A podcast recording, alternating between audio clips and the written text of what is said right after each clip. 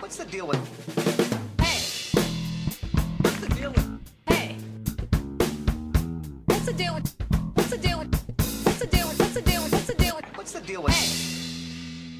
I 2003 kom en liten perle, eller var det en perle, fra Ubisoft som heter Beyond Good and Evil, som vi skal snakke om i dagens episode av Retrospellauget. Denne spin-off-podkasten fra Crossover Gaming, med meg, Ingar Takanobu Hauge, og jeg er ikke alene. Vi liker jo å spille disse spillene i Retrospellauget sammen med communityet vårt, og denne gangen har jeg faktisk med meg to stykker fra communityet vårt som har ganske ulike oppfatninger av hvordan dette spillet her var, så dette blir en veldig spennende prat. Så først så vil jeg ønske velkommen til uh, retroguruine og eh, veteran Sigrun Eveline Gjerde.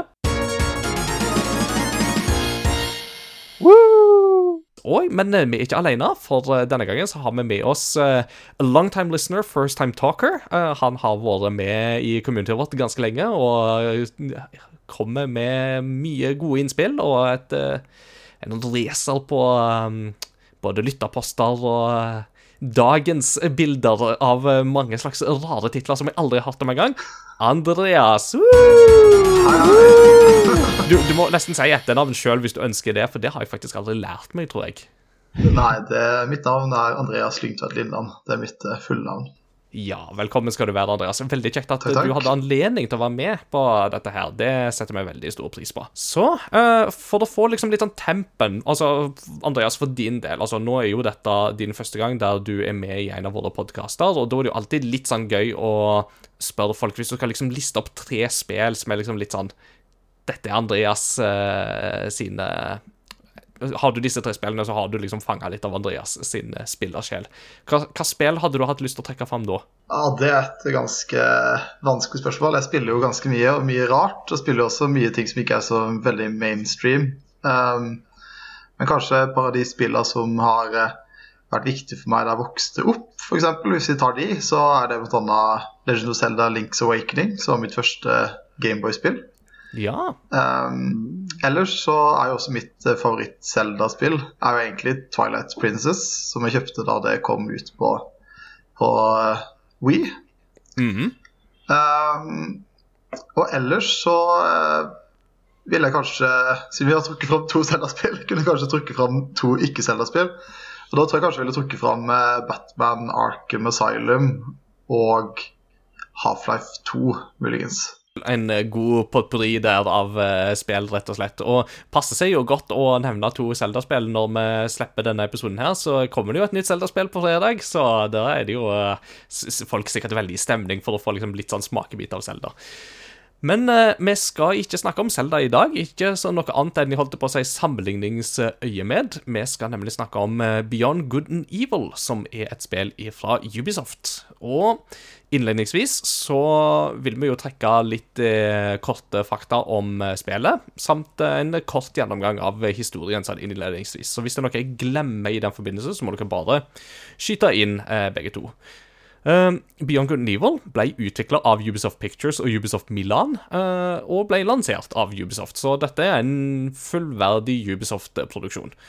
Den ble lansert til GameCube, PlayStation 2, Xbox og PC. Eh, litt ulike tidsrom. Eh, PlayStation 2-versjonen kom først i 14.11.2003, Eh, og deretter så fulgte versjonene tett og på til man da til slutt hadde alle spillene versjonene ute 24. februar, 27. februar 2004. Senere så kom det en HD-versjon til Xbox 360 og eh, PlayStation 3, og de kom da henholdsvis i mars og juni 2011.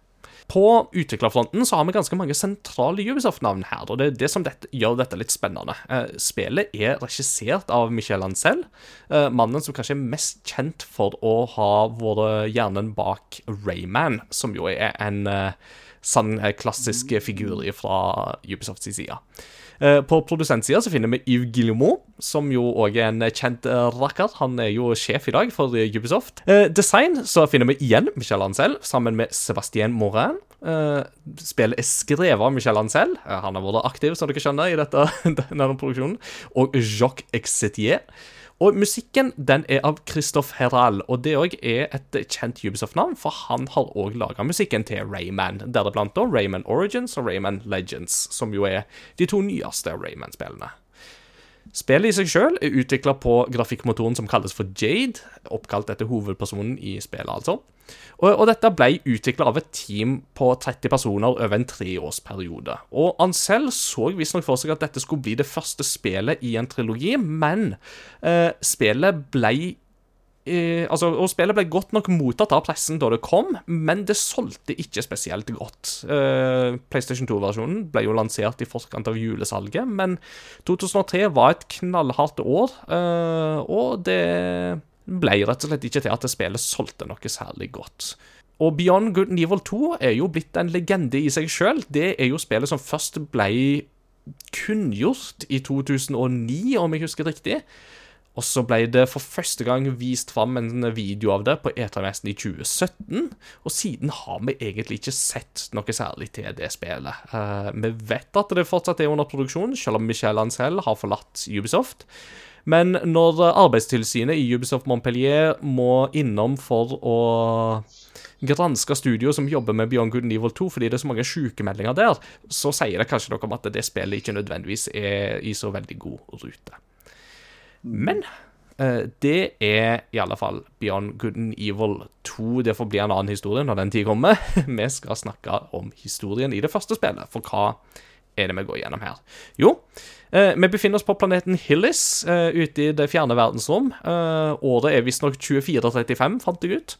Eh, og der finner vi da den eh, unge kvinnelige hovedpersonen Jade, eh, som da bor i et slags si, barnehjem eller kollektiv, drevet av hennes onkel i hermetegn, Page.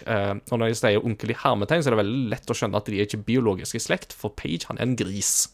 Eller et, eller et villsvin, om du vil. Uh, så det, det, det er liksom litt sånn Kung Fu Panda-situasjon, dette her. Uh, med liksom den der tranen og Poe. Og bare sånn Hæ, er ikke du faren min? På, um, på denne planeten her så er ikke alt sånn som det skal være. De er nemlig okkupert av en angrepsstyrke som kalles for DOMS. Og um, for å forsvare de mot DOMS, så har du noe som kalles for Alpha Section, uh, som har en tendens til å dukke opp litt for seint til enhver tid, og ifølge Page er ganske unyttige. Eh, en dag så blir de angrepet av Doms, og, og under dette angrepet så har ikke Page og Jade nok eh, penger og drivstoff til å opprettholde skjoldet sitt, så de må da rett og slett få seg en jobb. Så Sekundo, den eh, kunstige intelligensen som Jade har med seg overalt, han finner en, et fotooppdrag fra en mystisk herremann, og Jade er en dreven fotograf. Så dette trekker henne inn i rollen som en sånn fotojournalist eh, for det som da etter hvert skal vise seg å være motstandsbevegelsen Iris, som prøver å avdekke en konspirasjon. Underveis i denne granskningsjobben så blir eh, Page kidnappa, eh, samtidig som at Jade får frigjort eh, Iris-agenten som heter Double H, som da har vært holdt fanga av Alpha Section og Doms. De følger etter Page til det som heter Slaughterhouse, og der finner de ut at mennesker som blir kidnappa lokalt, eh, de blir tatt med til månen. Eh, og Jade finner da ut i dette her prosjektet at eh, Alpha Sections er under kontroll av DOMS. mer eller mindre forvrengte mennesker, er det vel egentlig det vi finner ut at de er. Oppi alt dette her så finner jo Jade òg ut at Page er den egentlige lederen av Iris, denne motstandsbevegelsen, og at Page har gjemt et gammelt romskip som heter Beluga. I dette fyrtårnet et sted der som de bor. Så Page må finne det, sånn at hun kan komme seg til månen og befri Page. Etter mye om og men så skjer jo det, men Jade og Double H finner ut at Page er død. Men så blir Page på mystisk vis gjenoppliva av en mystisk kraft som ser ut til å komme fra Jade. Og da begynner de, de når da til slutt ut til dette radiotårnet som er på månen, som er det eneste som er kraftig nok til å sende ut radiosignaler til hele Hillis om eh, motstandsbevegelsens funn av denne konspirasjonen. Og dette trigger da en, et opprør. Vi ser at eh, folkebevegelsen begynner å samle seg og går imot eh, Alpha Section. Og eh, på månen så konfronterer da Jade, Page og Double H eh, det som da er Doms ypperste presten. Eh, og denne alien-saken her avslører jo da at Jade er ikke det hun tror hun er. Hun er nok antageligvis en flere hundre år gammel skapning som Doms har vært på jakt etter for å få tak i hennes kraft. Eh, og det er jo det som hintes til når Page da gjenoppliver eh, Nei, når Jade gjenoppliver Page.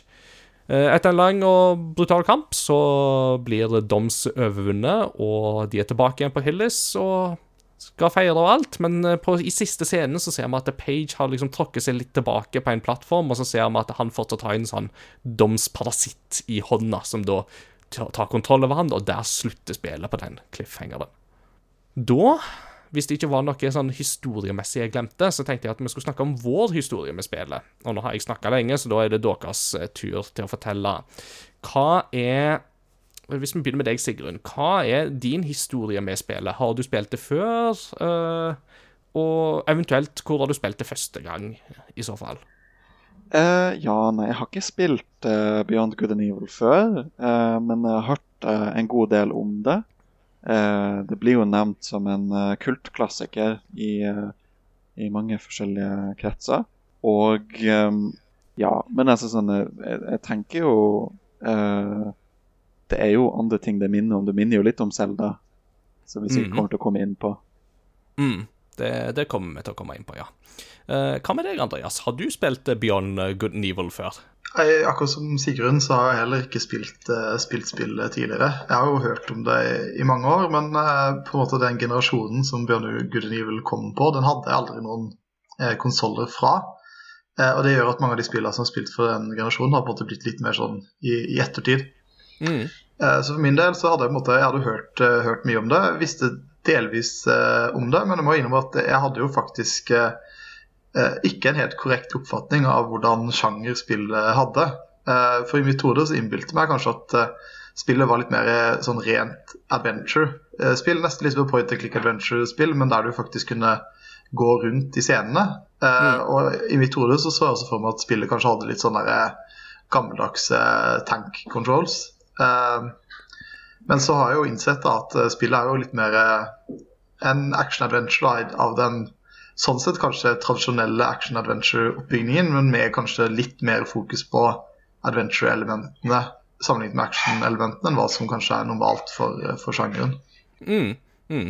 Og, og det er jo for så vidt godt at du presiserer hva sjanger dette her er, for det er jo sånn som jeg glemte å si, men det er jo, som du sier, et tredjepersons action adventure. Uh, med, som man jo gjerne har sett litt av den generasjonen der, så kan man jo tenke litt sånn Ratchet and Clank, eller for så vidt òg litt Selda Zelda Wind Waker, eller eh, lignende, med da noen førstepersonsperspektiv-seksjoner av og til. Eh, siden jo Jade er fotograf, så er det jo flere objekter rundt omkring som du skal ta bilde av. Eh, enten det er med tanke på hovedoppdragene, eller det er for å få noen sånne moon pearls, som er da sånne perler som du kan bruke som valuta for å handle på svartebørsverkstedet Mamago, som er drevet av eh, noen eh, tobeinte neshorn. Det er en, eh, et, et fargerik verden, tror jeg vi må si. Her er det både griser og mennesker og neshorn og sel, eller hvalrosser og Ja, det er vel katter og Altså, alle er jo bipedale og intelligente, og så, så det, det er en tydelig science fiction-setting, i alle fall, dette her. Det tror jeg vi må kunne si. For, for min egen del, da, hvis jeg bare skal ta det, så uh, mitt, første møte med dette spillet, det var på PC. Uh, jeg tror det var sånn rundt 2013-2014 eller noe sånt, da jeg prøvde å plukke det opp og spille det. Møtte på en bug, uh, gjorde at jeg ble stuck, og gikk ikke videre med spillet. Uh, og så traff jeg hun som ble kona mi, og så ble vi gift. Og så skulle vi spille noe i lag. Uh, og så hadde hun lyst til å spille Bjørn Good Nivold, for det hadde hun gode barndomsminner fra. Uh, og det er jo litt sånn gøy, for at um, hun har ikke fått spilt så mye i oppveksten som det jeg har. Så Bjørn Good Nivold var liksom Men det var et av de spillene som hun har liksom veldig gode minner fra. Da kjøpte vi HD-versjonen til PlayStation 3, uh, var det vel? Og så spilte vi den. Om det var på PlayStation 3 vi spilte den, eller PlayStation 4, husker jeg ikke. Litt usikker på om den er kompatibel med PS4. Men uansett, det var iallfall der vi spilte, så vi kunne spille det på TV-en i lag. Og da kom jeg meg gjennom spillet. Uh, så det er sånn spill som jeg har gode minner fra knytta til at det er sånn felles uh, gameprosjekt som jeg har hatt med, med kona. Og det er jo alltid, alltid trivelig. Eh, For deres del så er jo dette litt uh, Nå skal vi begynne å på en måte dykke litt inn i materien her, tenker jeg. Um, hvordan har det vært å spille dette spillet for første gang? Uh, hvordan har førsteinntrykket vært, og hvordan har opplevelsen utvikla seg underveis? Så Andreas, kanskje vi skal begynne med, med deg uh, på det spørsmålet der. Ja, for min del så var førsteinntrykket svært positivt. Kan også presisere at den versjonen av spillet jeg spilte, var eh, 360-versjonen, Xbox 360. Eh, men jeg spilte på en Xbox Series X sin spill er bakoverkompatibelt. Ja. Uh, og jeg synes jo, eh, som jeg sa, så synes jeg egentlig det, det var veldig, veldig gøy. Både førsteinntrykket var veldig positivt, jeg synes også det stort sett klarte å opprettholde det inntrykket gjennom, gjennom hele, hele gjennomspillingen. Uh, Så jeg nevnte i stad, så var jo også litt det der, Jeg hadde jo en litt sånn feiloppfatning av hva spillet kanskje skulle være. Og det som det slo meg da jeg begynte å spille det, var egentlig at spillet ga meg veldig assosiasjoner til Psychonauts og til Zelda-spill generelt. Og også til, for så vidt til disse ulike 3D-plattformene utvikla av, av eh, Rare. Da vil jeg kanskje ikke si på en måte Ikke så mye gameplay-messig for den Rare-assosiasjonen. Litt mer liksom den derre eh, følelsen det gir av type hvordan verden er bygget opp, og hvilken humor spillet, spillet bygger på. Mm. Så eh, jeg vil egentlig si at eh, det var, eh, det var bra. Altså, det var noen, noen ting merker man jo at kanskje ikke har, har holdt seg like, like godt. Men, eh, men sånn overall, sett i lys av når spillet ble, ble utgitt, så føler jeg på en måte at det var egentlig ganske stang inn for min del. da. Mm. Uh, og, og, og litt av uh, det som er artig i dette, um, denne fasen her, det er jo det at um, i Retrospellauget så pleier vi jo å ha det sånn at vi, vi avtaler at vi skal spille omtrent så og så lenge til neste gang, og uh, sette opp på en måte en slags lekse, da, kan du si. Uh, og, du, og du tok jo den fullt ut, for du spilte jo spillet ferdig uh, til neste samling. Ja, det stemmer jo det. Altså, jeg har jo nå skal det sies at jeg jobber en god del også, da, så det er ikke alltid at eh, tiden jeg har til disp er så fryktelig forutsigbar. Så når jeg først uh, syntes spillet var gøy, så ble jeg litt sånn, da benytta jeg anledningen til å spille videre. Og jeg endte vel opp med å fullføre spillet sånn omtrentlig på en uke, tror jeg. Med liksom eh, ikke bare hovedstoryen, men egentlig fra null til, til 100% alt som kunne gjøres av sidecontent osv. Ja, det, og, og det tenker jeg jo, det er jo et uh, vitnesbyrd eh, om, eh, om, om, om at spillet traff deg, da, tenker jeg, på en, uh, på en måte som du kanskje ikke hadde forventa. og det er jo veldig interessant. Eh, jeg liker òg den uh, sammenligninga du hadde med Psychonauts. Det er for øvrig en veldig bra um, samtidig tittel å sammenligne det med på mange måter, som jo heller ikke fikk den anerkjennelsen som uh, iallfall fansen uh, vil si at det kanskje fortjente, da. Uh, og i motsetning til Bjørn Gunn så har jo faktisk Psychonauts 2 kommet ut. Ikke bare det, men de har jo fått en VR-tittel òg. Den her, uh, holdt jeg på å si Rumbus Rumble- in Ruin, tror jeg det heter. Rum, Rumbus in Ruin er det, ja. Det var, jeg tenkte Trouble in Rumbu, Rumbusverse eller noe sånt, men det- nei, det stemmer det. Uh, Rumbus of Ruin var det. Sånn var det. Uh, Sigrun, uh, ditt førsteinntrykk, og hvordan utvikla den opplevelsen seg sånn underveis, vil du si?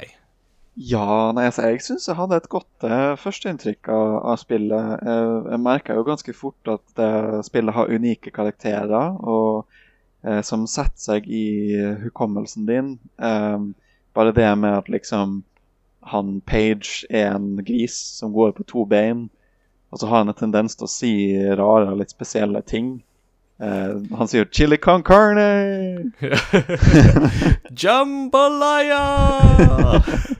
Jeg- Så å si alle kraftuttrykkene til Page er matrelaterte, oppdaget jeg denne gangen her. Eh, det syns jeg jo var litt artig. Eh, Først, interessant nok, spillet har syv års aldersgrense, men har likevel en sekvens der da Page bruker uttrykket 'sweet Jesus' som eh, kraftuttrykk. Og, og det syns jeg er veldig interessant, for det er sånn som fort hadde generert en tolv års aldersgrense i dag. Ellers på førsteinntrykket syns jeg jo at uh, musikken er veldig god. Jeg syns den, den passer inn. Eh, den er ganske variert fra ulike deler, altså forskjellige, forskjellige sjangere. Mm. Uh, Merka jo med en gang at universet virker ganske kult. Eh, det har også noen litt mer sånn goofy elementer som minner om Spyro, syns jeg, med, med enkelte av eh, karakterene. Eh, Men jeg følte at underveis så forandra det førsteinntrykket seg eh, i en mer negativ retning. Etter hvert som man fikk eh, flere stealth-segmenter, som jeg virkelig ikke er spesielt glad i. Eh, I tillegg til, uh, ja, iallfall for meg, kryptisk. Eh, jeg kom liksom aldri helt inn i logikken eh, spillet har, da. Mm. Så jeg endte opp med å bruke en god del guider. Ja, skjønner. Eh, bare sånn for ordens skyld, eh, hva plattform spilte du det på? Jeg spilte på GameCube.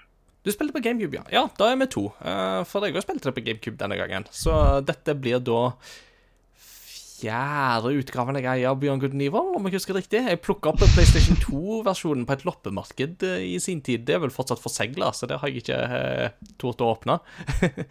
Men eh, GameCube-versjonen hadde jeg jo litt lyst til å prøve, da, så da ble, gikk jeg til anskaffelse av, eh, av den. Um, og sånn det er noe med på en måte å spille spill fra den epoken her, sånn action adventures fra den epoken der, og sitte med en GameCube eh, GameCube-kontroll i neven som bare føles litt riktig for meg, altså. Det, det er en sånn egen eh, nostalgisk følelse som på en måte omfavner den nostalgiske epoken der litt sånn ytterligere, det føler jeg, da. Mm. Uh, en ting som jeg tenkte på når jeg nå gikk tilbake til dette spillet her, var det at historiefortellinga i dette spillet er veldig effektiv. Altså, dette er et spill som ikke bruker veldig mye tid på eksposisjon og på en måte sette opp handlingen eller forklare hva som skjer, eller hvem folk er og sånt. Den gir deg liksom bare akkurat det du trenger, og så er det bare sånn go. Uh, og det kan jo fort bli litt forvirrende, for uh, ut ifra dagens perspektiv Blant annet fordi at det du har til rådighet for å hjelpe deg på veien, er jo et kompass eh, som du må inn i førstepersons perspektiv for å faktisk få opp, og det er ikke gitt at du skjønner at det er tilgjengelig sånn fra starten av.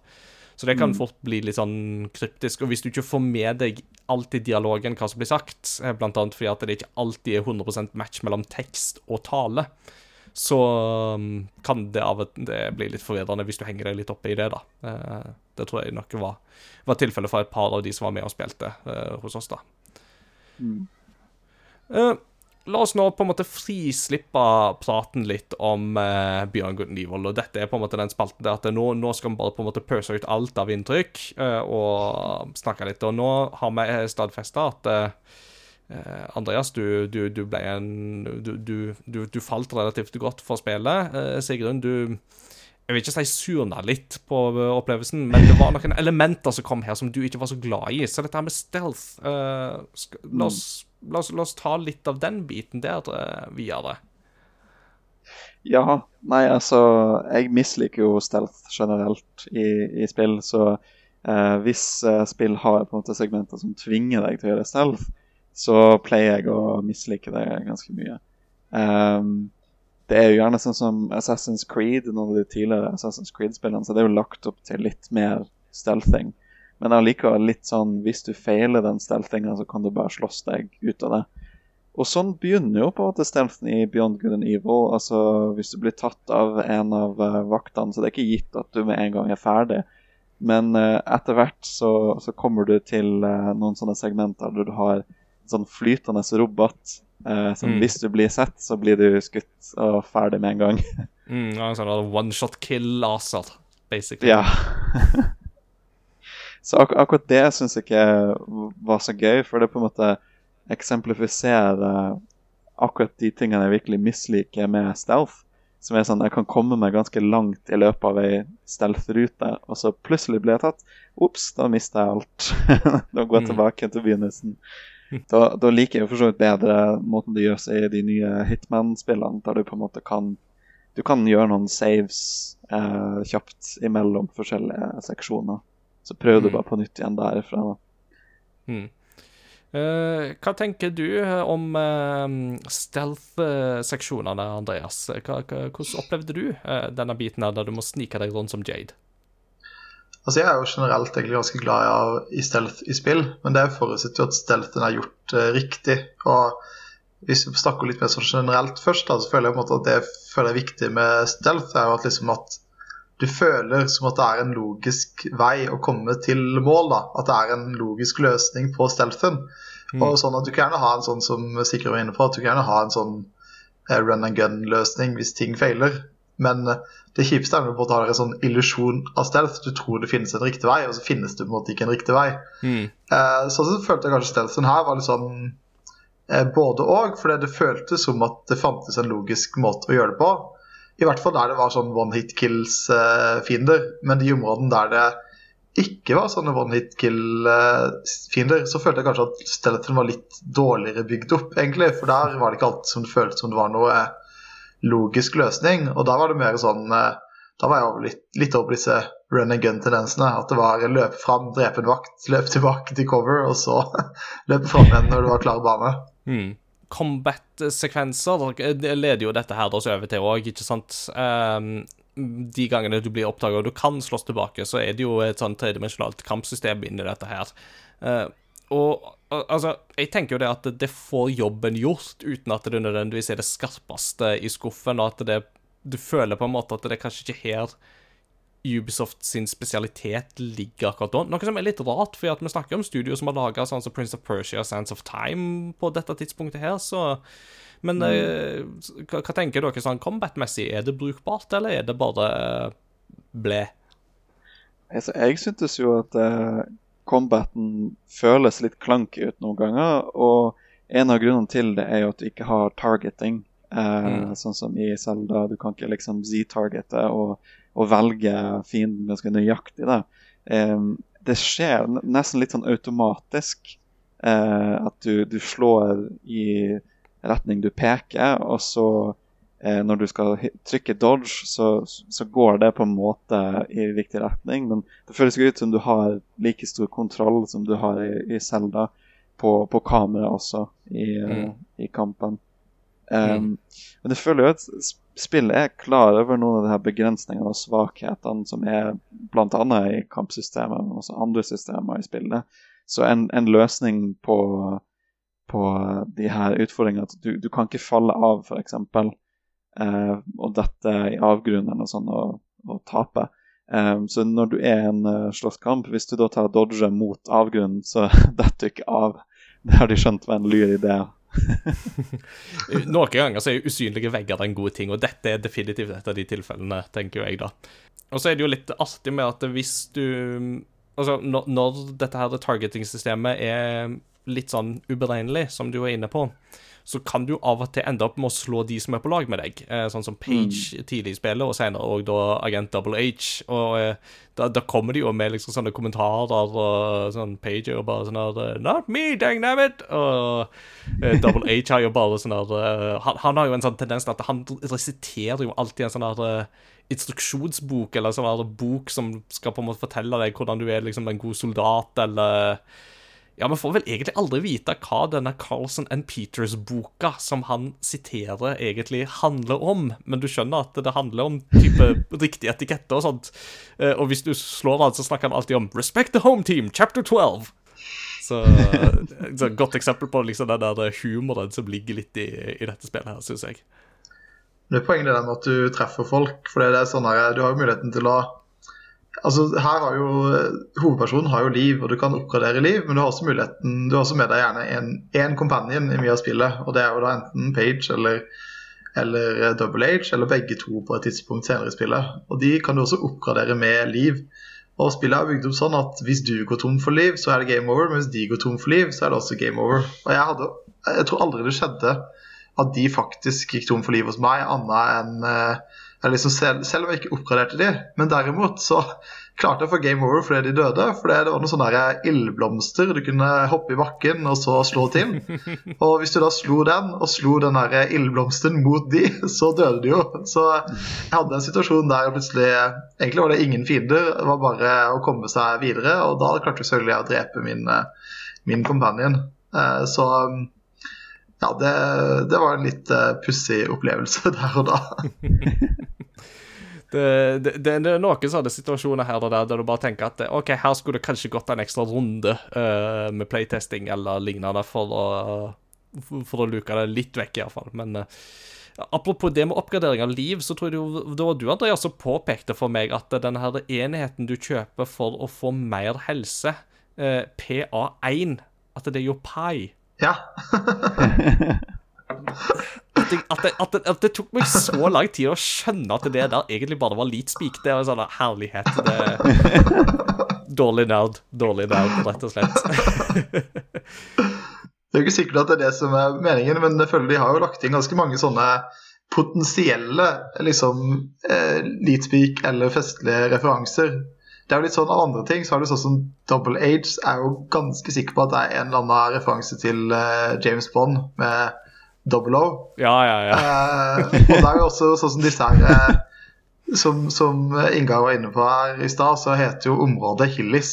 Men disse her folka som bor her, kalles jo Hillians, som må være en referanse til Zelda, der folka heter Hylians. For det er jo tross alt bare to bokstaver som har bytta, plass. ja eller at det, her så er det jo da med dobbel, dobbel L. Altså, så det er dobbeltkonsonant. Det er jo det som er på en måte skillet skille her. Ja, du har vel også I og Y har vel også bytta plass, har de ikke det?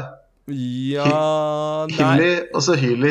Ja, det, ja det, det er vel kanskje riktig at det er hil, Hillys uh, i uh, dette. Det, når du sier det, så er det riktig. Men ja n- Vi har jo vært liksom litt inne på liksom dette her med humor og liksom tone i dette spillet. Og eh, altså, vi har jo vært innom Page, og vi har vært innom Double H, og den her Carlson and Peters-boka som man jo liker å resitere til støtte og stadighet, eh, deriblant eh, Don't Break Up The Team, Carlson and, Carlson and Peters, page 832, om jeg husker riktig. Men eh, er det noen sånne andre sånne eh, humoristiske innslag i dette spillet her som eh, dere har lyst til å trekke fram? Jeg, jeg, jeg syns det er koselig når man drar innom eh, Mamma Go! Den, Mamma go! som er den plassen der du kan få oppgradert skipet ditt og Mm. båt, båten din. Uh, og det, det er jo gøy for Det er liksom musikken når du kommer inn dit, setter stemninga. Det, det går rett inn i reggae-musikken. For de her neshornene er jo sjamaikanske neshorn, selvfølgelig. Sjøl- Sjølsagt. Jeg syns, jo også at eh, det er mye i musikken som eh, har gjort eh, at jeg smilte når jeg spilte det. Så det er jo når du skal kjøre sånn race eh, med den båten du har, eh, så er det noe sånn spansk-meksikansk-aktig Det er vanskelig å beskrive. Det det er en slags flamenco-gitar i bakgrunnen, men det det er veldig sånn høy energi på det. Det, det, det, er, liksom litt som om du bare, bare hadde gitt liksom Gypsy Kigs ei gitar og så bare sånn her Her, vi skal ha noe til spillet vårt. Spill. Fy. Fy. Og så dra de i gang et eller annet. Så det er jo nesten som å høre noe, eh, noe sånt. Eh, Veldig, veldig passende. Og så er det jo så interessant at det er en sånn popuri her av forskjellige sjangre og språk og alt mulig rart, liksom. Altså, det går du til en av disse her svarte børs... eh, eh, haiene, eller hvalrossene i dette tilfellet. Uh, Mitsu er det vel han heter. Så får du sånne, der ori- sånne veldig sånne der østlige instrumenter, og veldig sånn orientalsk, og så Ja, som sagt, så, drar du jo til den der bar, den Akuba Bar, så får du en sånn der uh, låt der de synger et eller annet om propaganda, og ve veldig passende. Det er bare sånn Nei, nei, ikke noen motstandsfolk her. Propaganda! Ja, altså det, og det syns jeg nesten er litt mer sånn hiphop-aktig i måten det, det gjennomføres på. Hiphop var ordet jeg var på jakt etter, ja. Mm. Har du noen tanker på, på, på denne tematikken, Andreas? Jeg er jo enig i at eh, liksom, den musikalske innslagene var veldig passende rundt omkring der det var. Akkurat sånne spesifikke humoristiske elementer som, eh, som vi er inne på, var innom at uh, jeg ikke husker nå lenger, for det begynner jo å bli en stund siden jeg var ferdig med spillet. Så jeg husker både spillet generelt uh, var jo på en måte veldig underholdende. Men Mm. eh, liksom spesifikke situasjoner har jeg, må jeg innrømme jeg kanskje ikke har bitt meg like merke i. Men, men liksom av andre ting vi, Det blir jo et lite steg tilbake, men du toucha litt inn på dette med historiefortelling eh, i stad. Ja. Eh, og eh, det er jo litt inne på, på samme tematikken her. Og, og jeg syns på en måte at eh, spillet har jo en festlig måte å fortelle historien på, og også en ganske god måte å fortelle historien på. Men det som kanskje var litt, eh, var litt eh, rart, kanskje, var at det var enkelte situasjoner der det jeg følte kanskje mangla en litt sånn derre en punchline. da, Si at det hadde passa seg med en liten sånn her festlig kommentar, eller eh, eventuelt en uh, dyster kommentar, f.eks. Mm. For Man har jo på en måte på et tidspunkt i spillet så blir uh, Page uh, kidnappet. Eh, og når han blir kidnappet, så får man en sånn eh, M-disk, mm. er det vel det heter. Eh, som, eh, der han liksom nesten har et eh, litt sånn der eh, minnetale, eller sånn sitt testamente, som han, som han forteller til, til Page. Og disse her M-diskene kan på en måte eh, Ja, man kan se dem når man vil, hvis man går til en sånn der eh, en sånn eh, M-disk-leser.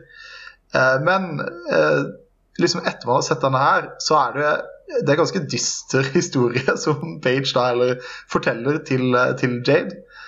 Og det liksom passet seg når du er ferdig å høre dette, at Jade har liksom kommentert det hun har på sett. Men uh, når du kommer ut igjen, så er det liksom helt stille som, uh, som midt på natta, liksom. Og det, det føles kanskje litt sånn eh, malplassert etter en sånn litt sånn emosjonell setting, og så er det ingen liksom kommentar fra, fra motparten. Mm.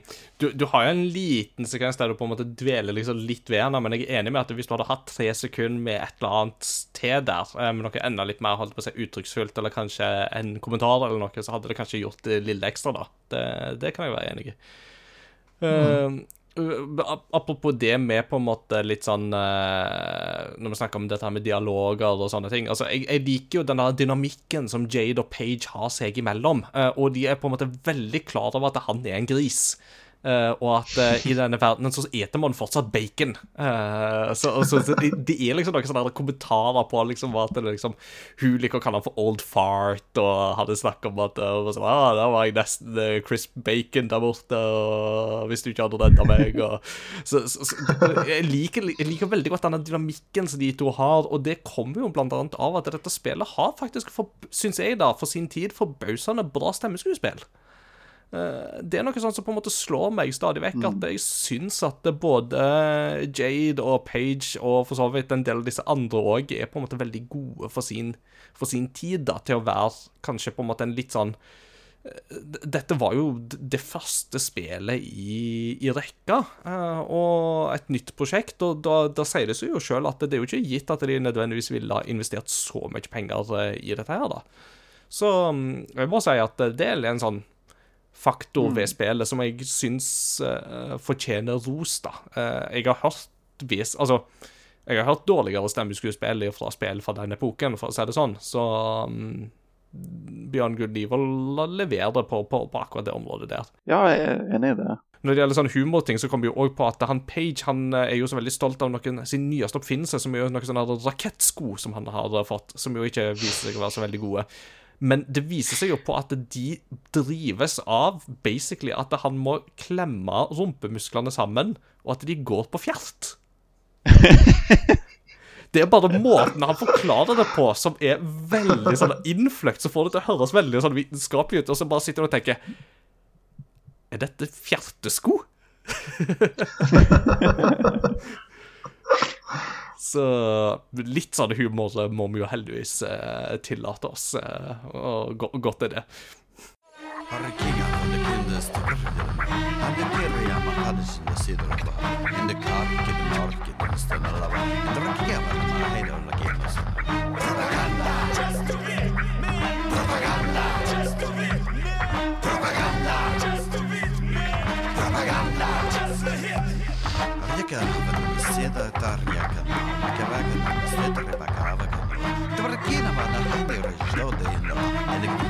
Silo do govri in my In the kila And the killer.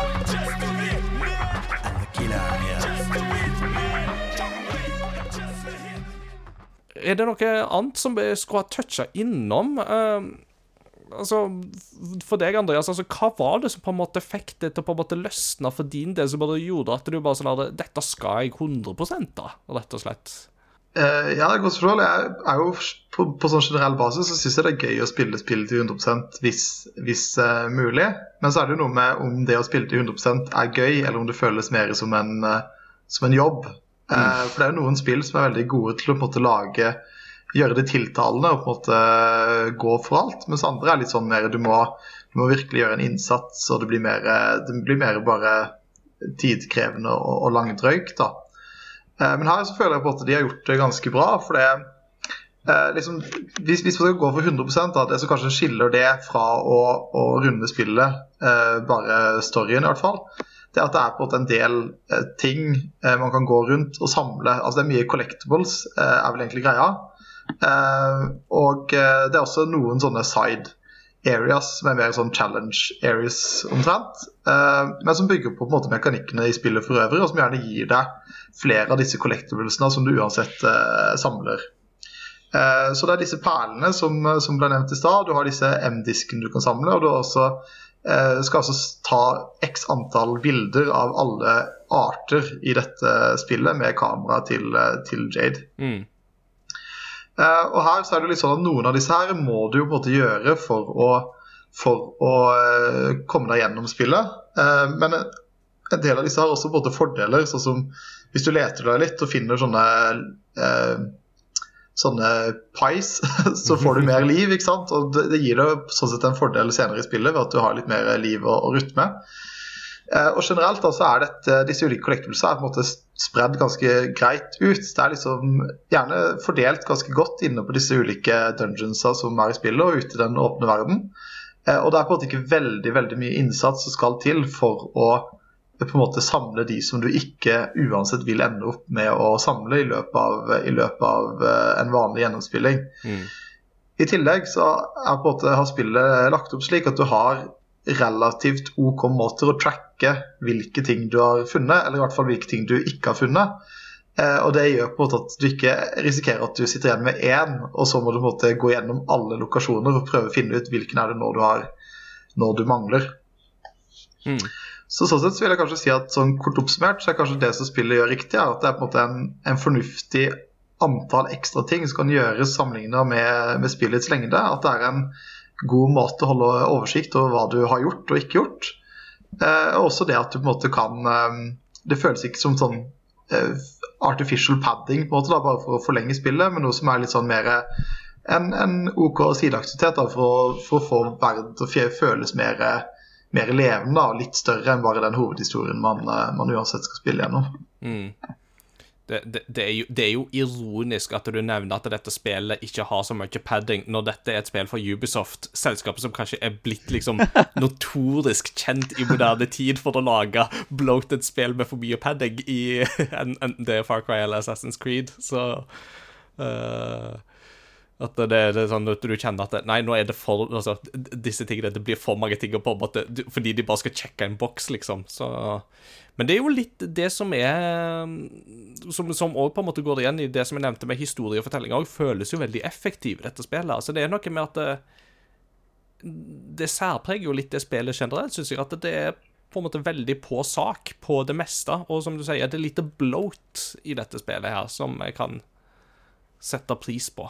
Hva tenker du, Sigrun, eh, for din del, liksom, hvor eh, Altså, dette var liksom litt av dette her for Andreas, hva som fikk han til på en måte gå all in for dette her, men eh, hva, hva føler du på en måte var det som på en måte mangla for din del her, i dette spillet her?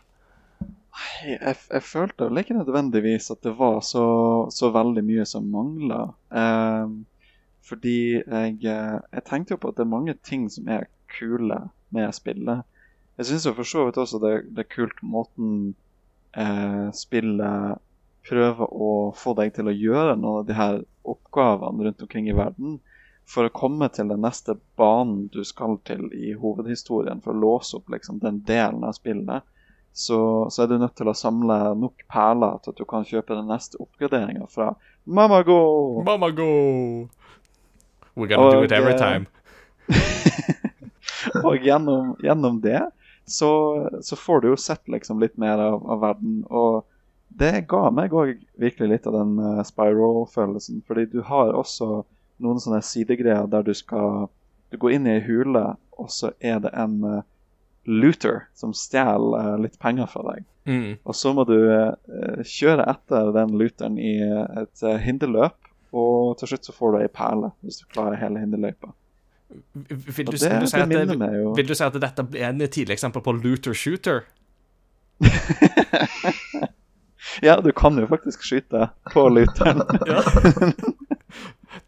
Takk for meg. Eh, Men det, det minner meg jo også litt om, om Spyro, da. Når du har de eggtyvene som du må, du må springe etter, og så må du ta dem igjen, på en måte. Så Mm. Det, er noen, det er noen sånne type ting som jeg tenker er kult. Men det er jo for så vidt bare det at jeg tror ikke det her var spillet for meg. Um, det at det ble såpass mange stellseksjoner som, som det ble, det gjorde på en måte at jeg, eh, jo flere av de det ble, jo mindre hadde jeg lyst til å spille. på en måte. Og det var vel også litt sånn for så vidt, for det, det var ikke helt det jeg forventa.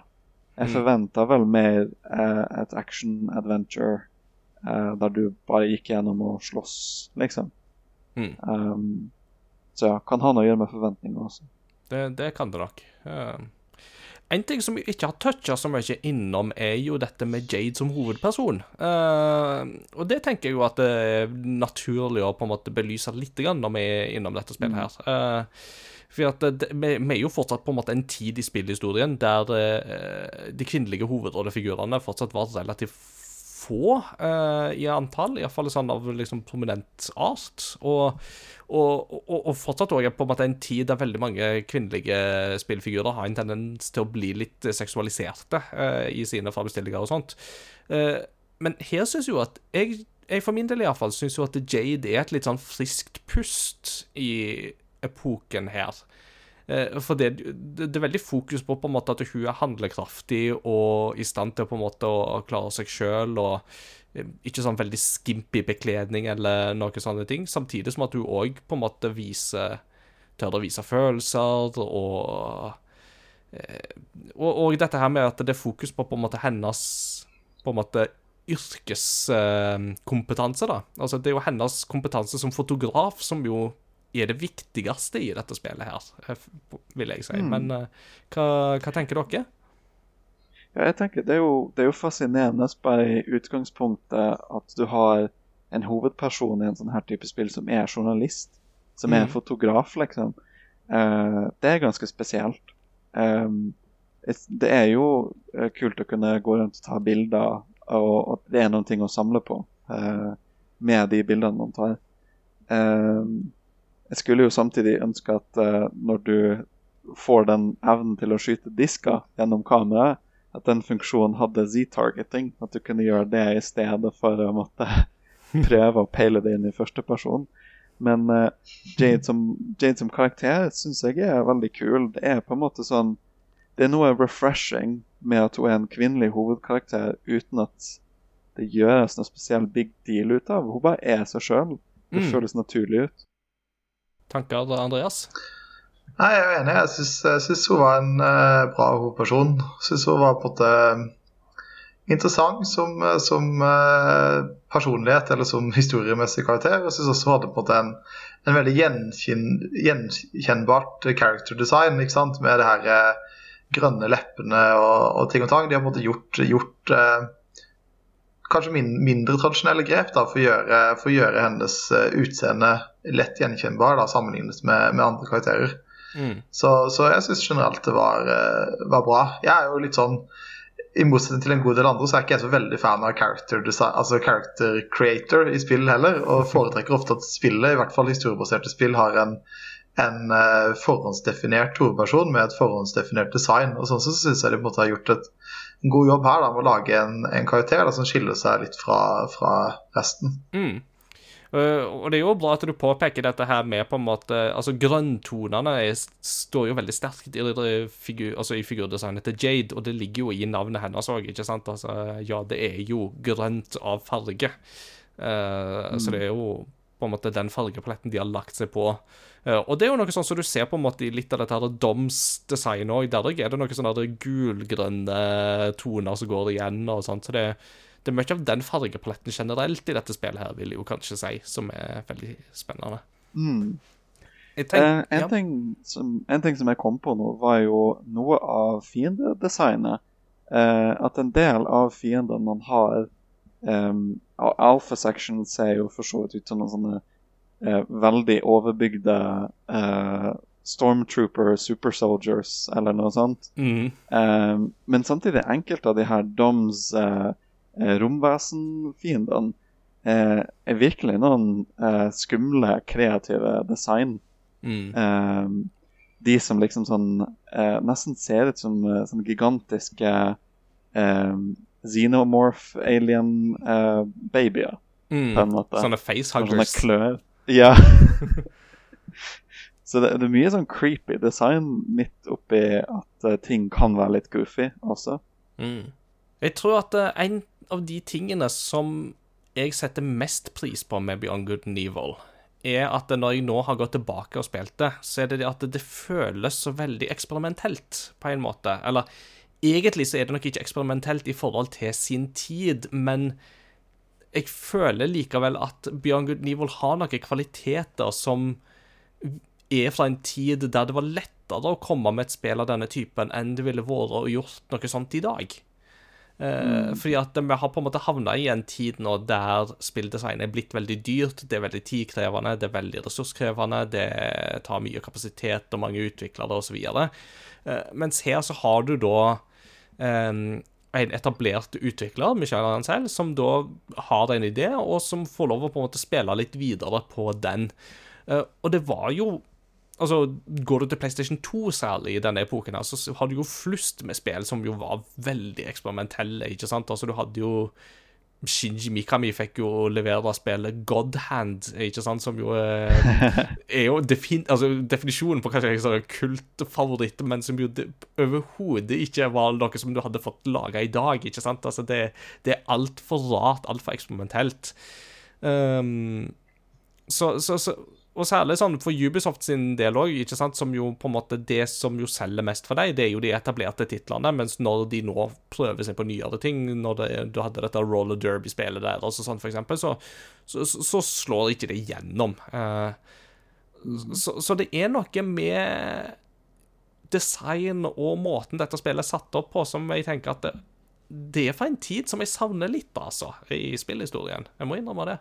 Jeg er jo litt enig, eller det, er, fall, det er en ting som slår meg nå, det er at liksom moderne spilldesign Du har på en måte Som regel så har du enten disse veldig veldig trippel A-titlene, som er på en måte fancy grafikk eh, og eh, ofte litt sånn safe i deres eh, designelementer. Eller så har du jo på en måte indiespill, og indiespill har jo ofte en tendens til å hva skal jeg si, kanskje gå enda noen generasjoner tilbake. for da, da er det på en måte lettere å kanskje fokusere på, på de elementene som er unike. Enten ved at man fokuserer på liksom en grafisk stil eller en spesiell mekanikk, men at man ikke trenger å liksom være så på en måte at alt skal se superrealistisk ut. og Man kan kanskje spare litt av, av tid på, på den delen av, av utviklingen.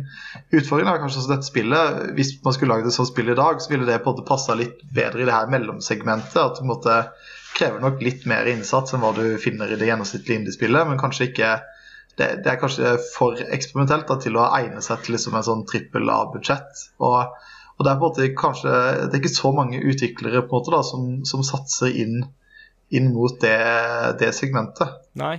Nei, jeg er enig i det, altså. Det er av en eller annen merkelig grunn liksom det studio som kanskje passer den beskrivelsen best, på en måte, det måtte vært Asobo. Eh, de som jo har laga A Plague Tale-spillene. Eh, for særlig da det første, A Plague Tale Innocence, kom, altså, da de ga ut det spillet der i 2019, så var jo de mest kjent for å på en måte ha laga lisensspill, som har jo spøkt tidligere om at de lagde Rotatouille-lisensspillet back in PlayStation 2 og sånt, og at de allerede der liksom la føringer for alle disse rottene som de da skulle bruke i A Plague Tale Innocence ti år seinere. Men spøk til side, da. Altså, da de ga ut A Plague Tale Innocence, de var et relativt lite ukjent studio, sånn ut ifra på en måte moderne standard.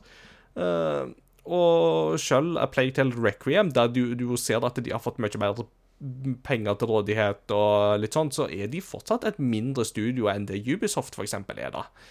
Så men, men ja, altså, jeg savner liksom litt der, det der mellomsjiktet, ikke sant? Altså en dobbel A-sjikte, om du vil. Eh, noe som på en måte ligger litt sånn midt på der. Og sånn sett så er jo um, GamePass er jo et, en interessant plattform, fordi GamePass åpner jo for at sånne spill kanskje kan få litt mer marked, fordi da har du plutselig potensial for at flere folk kan plukke opp spillet ditt, selv om du ikke nødvendigvis er knytta til en trippel A-lisens, fordi at terskelen for å prøve det ut blir så mye lavere. Eh, sånn som vi for eksempel har sett med Hi-Fi Rush i år, eh, fra Tango Gameworks, som jo kom litt sånn ut av intet, og som nok ikke på en måte er på en måte det som hovedteamet til Tango nødvendigvis har jobba med, men som viser å bli en bra suksess for de likevel, fordi at mange nok har kasta seg på det da, og oppdaga at her er det noe. Og det er noen av disse her større studiene som måtte ha sånne her småprosjekter, sideprosjekter, som måtte kanskje faller litt i den kategorien. Du har jo sånn som Hellblade, Send mm. Sacrifice, er vel også litt sånn her eh, Ikke nødvendigvis noe Triple A-tittel, men laget av et studio som ville for så vidt være kjent for å lage Triple A-titler. og Sånn sett passer det også kanskje inn i den der kategorien, da, sammen med A Plague Tale, som litt mer sånn enkel enkel A eller dobbel A-tittel. Mm. Og, og Pentiment er jo òg et eh, eksempel på et sånt spill fra etablerte utviklere og etablerte folk som har det sånn pasjonsprosjekt som de ville få ut. Og Josh eh, Sawyer, som jo var ledende mann bak Pentiment, har jo sagt at uten GamePass så hadde ikke Pentiment blitt lansert. Fordi det hadde vært for smalt for dem, rett og slett. Men takket være GamePass så fikk de nok momentum til at de fikk det publikummet som de ville ha, selv om de på en måte veldig tydelige på at dette er ikke for alle. Så ja. Helt til slutt, vi skal begynne å på en måte lande mm, denne episoden litt her nå. Men eh, er det noen sånne poeng vi skulle touche innom før vi på en måte skal lande på det der siste avsnittet? Eh, Er det noe dere vil skyte inn som eh, dere ikke har fått sagt ennå? Kunne kanskje snakka litt om tittelen på spillet. Ja. For det, vi, dette spillet heter jo Beyond Good and Evil, som jeg personlig syns er en ganske kul tittel. Lett, lett gjenkjennelig. Men eh, det som eh, jeg var litt eh, Eller jeg var litt spent på om tittelen skulle ha mye å si for, for eh, liksom eh, historien i spillet. For når jeg på en måte hørte tittelen, så var jeg litt spent på om, om dette var eh, Om dette skulle liksom antyde at eh, det var eh, på en måte mer eh, i det med denne historien, eller liksom ting var ikke så svart-hvitt som, eh, som eh, man kanskje forventer på forhånd. Eh, og der ble jeg kanskje litt grann uh, skuffa ved at eh, det på en måte var Altså, det var på en måte ikke så mange hidden layers i historien som det jeg kanskje forventa. Det var noen, noen overraskelser, men, eh, men jeg vet ikke helt om jeg nødvendigvis klarte å finne noe sånn der superrevolusjonerende ved, ved tittelen, men at tittelen var på en måte kul i seg selv, da. Mm. Mm. Nei, det var jo det, var jo det med tittelen jeg eh, la meg opp i når vi først begynte å spille spillet, og tenkte på eh, jeg, fant, vel et eller annet sted at uh, tittelen egentlig skulle være 'Between Good and Evil', men eh, så var det en sånn markedsføringsperson hos Ubisoft som følte at det hørtes bedre ut når det var 'Beyond Good and Evil'. Og 'Beyond Good and Evil' er jo også eh, kjent som um, en av bøkene til Nietzsche. Så hvis du bare søker på Beyond Good and Evil på Google, så får du mer sannsynlig opp boka til Nietzsche enn det her spillet. Eh, og nå, nå er jo det Man kan jo på en måte tolke alt inn i alt, føler jeg jo. Men eh, den delen man kan tolke inn i det her av eh, eh, boka til Nietzsche, er vel eh, hele den greia med eh, det som er godt i et samfunn som er ondt, er ikke da nødvendigvis godt. Så det å følge reglene til et ondt regime eh, er ikke nødvendigvis det rette å gjøre. Mm. Spennende. Hadde du noe annet du ville skyte inn òg, Sigrun? Eller det Ja, ja, det jeg tenkte på var en liten greie, men eh, jeg syntes at kartet i spillet godt kunne hatt eh, navn på stedene på seg. For det Mm. var litt sånn Jeg måtte kjøre rundt, eh, rundt omkring for å finne mamma gå når jeg ikke klarte å orientere meg sjøl lenger. ned. For det står på en måte ikke på kartet hvor mamma gå er. Nei. Nei, jeg ser den. hvis du, Ja. hvis du lærer deg hvor det er, så går det jo greit. ja, for det var liksom det at da jeg skulle til Mamagå, så kjørte jeg bare på autopilot. Altså, det var sånn at Jeg husker hvor Mamagå var hen. Der har jeg vært mange ganger. Så Ja. ehm, på slutten av disse episodene så liker vi å stille spørsmålet er spillet verdt å gå tilbake til. Så nå har vi en eh, Nå har vi nok en pro, og vi har en con, så um, la oss høre fra cons først. Sigrun, uh, hva tenker du? Uh, jeg føler at en diskusjon, diskusjon rundt om spillet er verdt å gå tilbake igjen til. Det avhenger litt av spilleren. Um, jeg føler jo eh, at jeg ikke fikk det til, rett og slett. Jeg fikk ikke spille ordentlig til, fikk ikke til å like det. Jeg sjøl vil nok ikke spilt det igjen, mest eh, med tanke på stealth. Men eh, det var jo også at jeg ikke skjønte logikken i spillet en del. Jeg måtte bruke mye guider.